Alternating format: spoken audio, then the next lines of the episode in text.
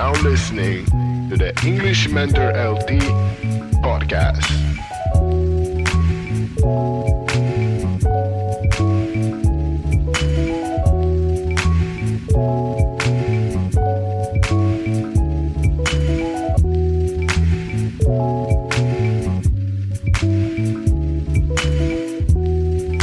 Sveiki visi. Penktas epizodas apie namų darbus. Paskutiniu metu daug diskutuojama, ar reikalingi namų darbai mokymosi procese. Ar jie daugiau daro žalos nei naudos. Pirmiausia, norėčiau pasakyti, kad vieno kažkokio teisingo atsakymo nėra, nors, nors Tyrimai jau pradėti atlikti senokai, nuo 1990 metų. Daugiausia Amerikoje buvo atliekami tyrimai, na, tų, kokią turi naudą namų darbai mokymosi procese.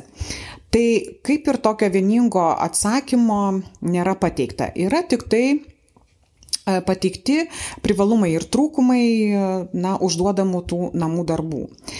Bet aš nenorėčiau kalbėti apie tuos pliusus ir minusus, nes manau, kad čia nieko naujo nepasakysiu, bet labai noriu pasakyti, kad reiktų, manau, pakeisti apskritai tokį pavadinimą kaip namų darbai į mm, žinių įsivertinimą arba vadinamą pamokos refleksiją. Ir čia iš karto ir išplauktų tos kažko, kažkokios papildomos užduotis iš tos pamokos refleksijos kiekvieno vaiko asmeniškai.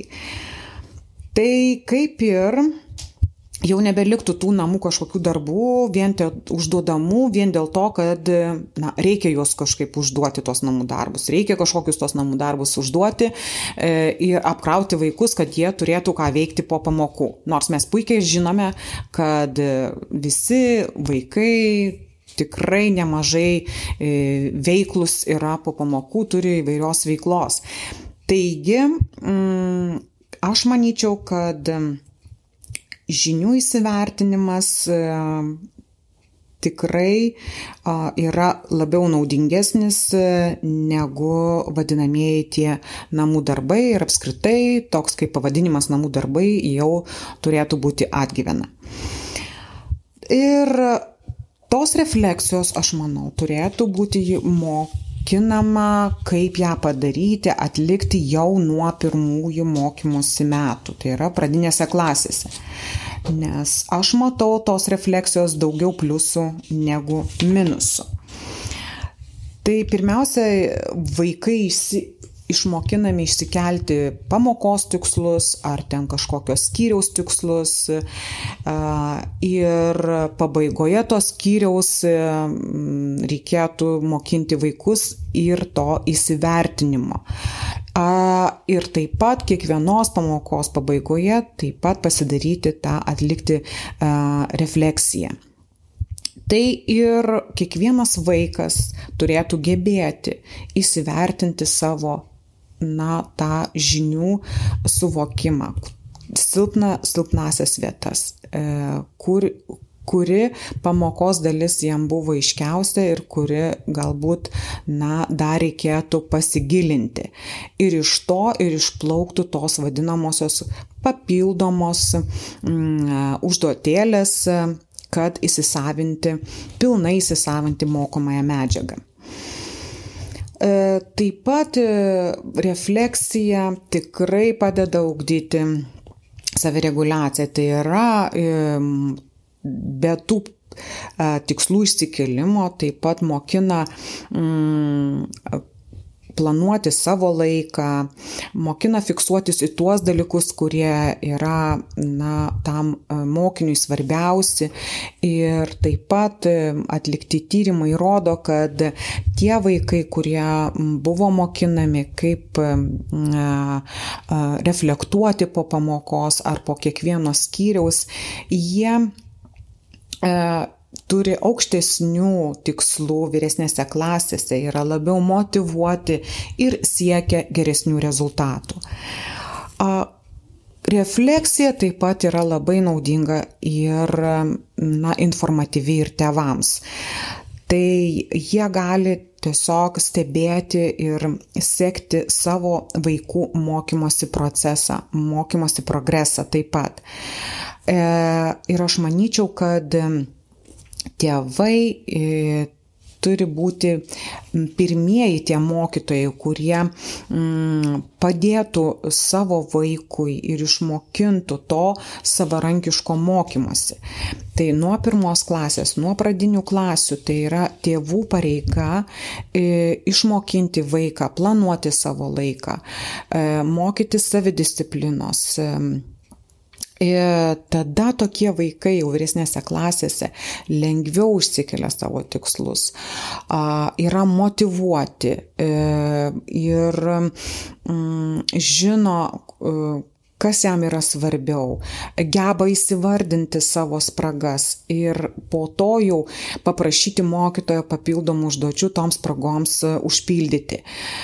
Tai aš manau tikrai tos savirefleksija, ta pamokos refleksija tikrai e, yra žymiai naudingesnė negu kažkokie tai parenkami arba užduodami namų darbai.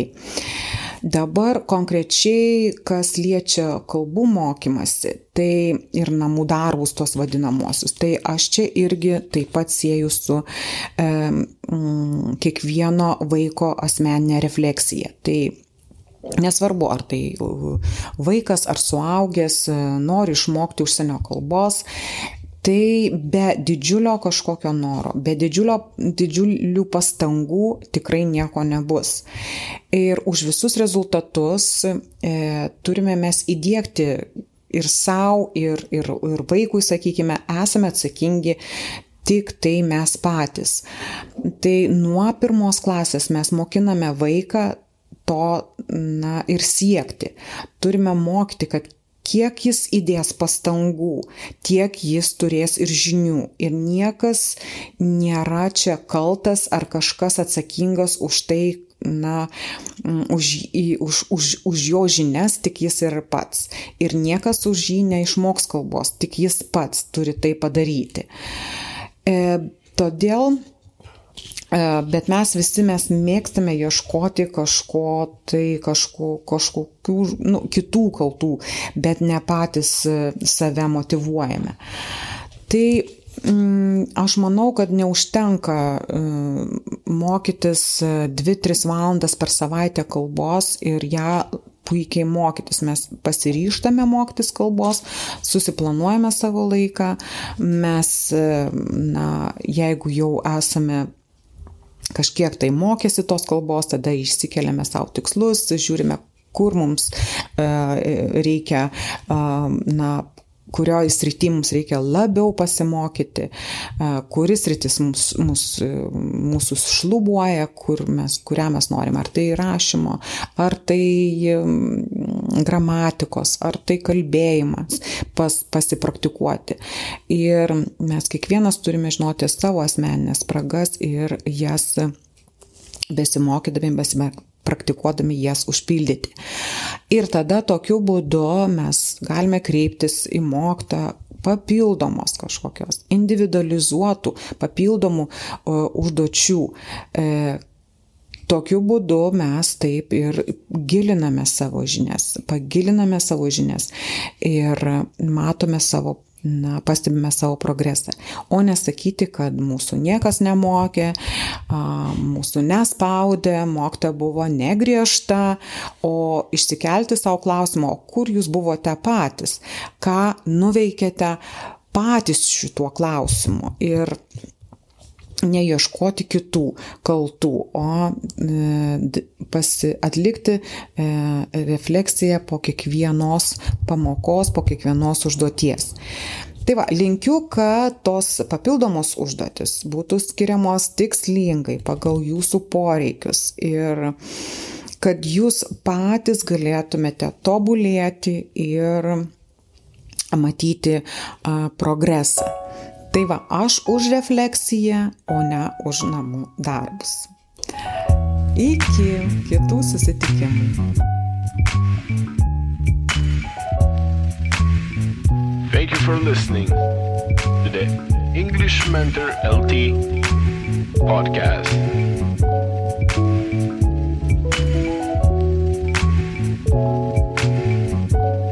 Have a great day.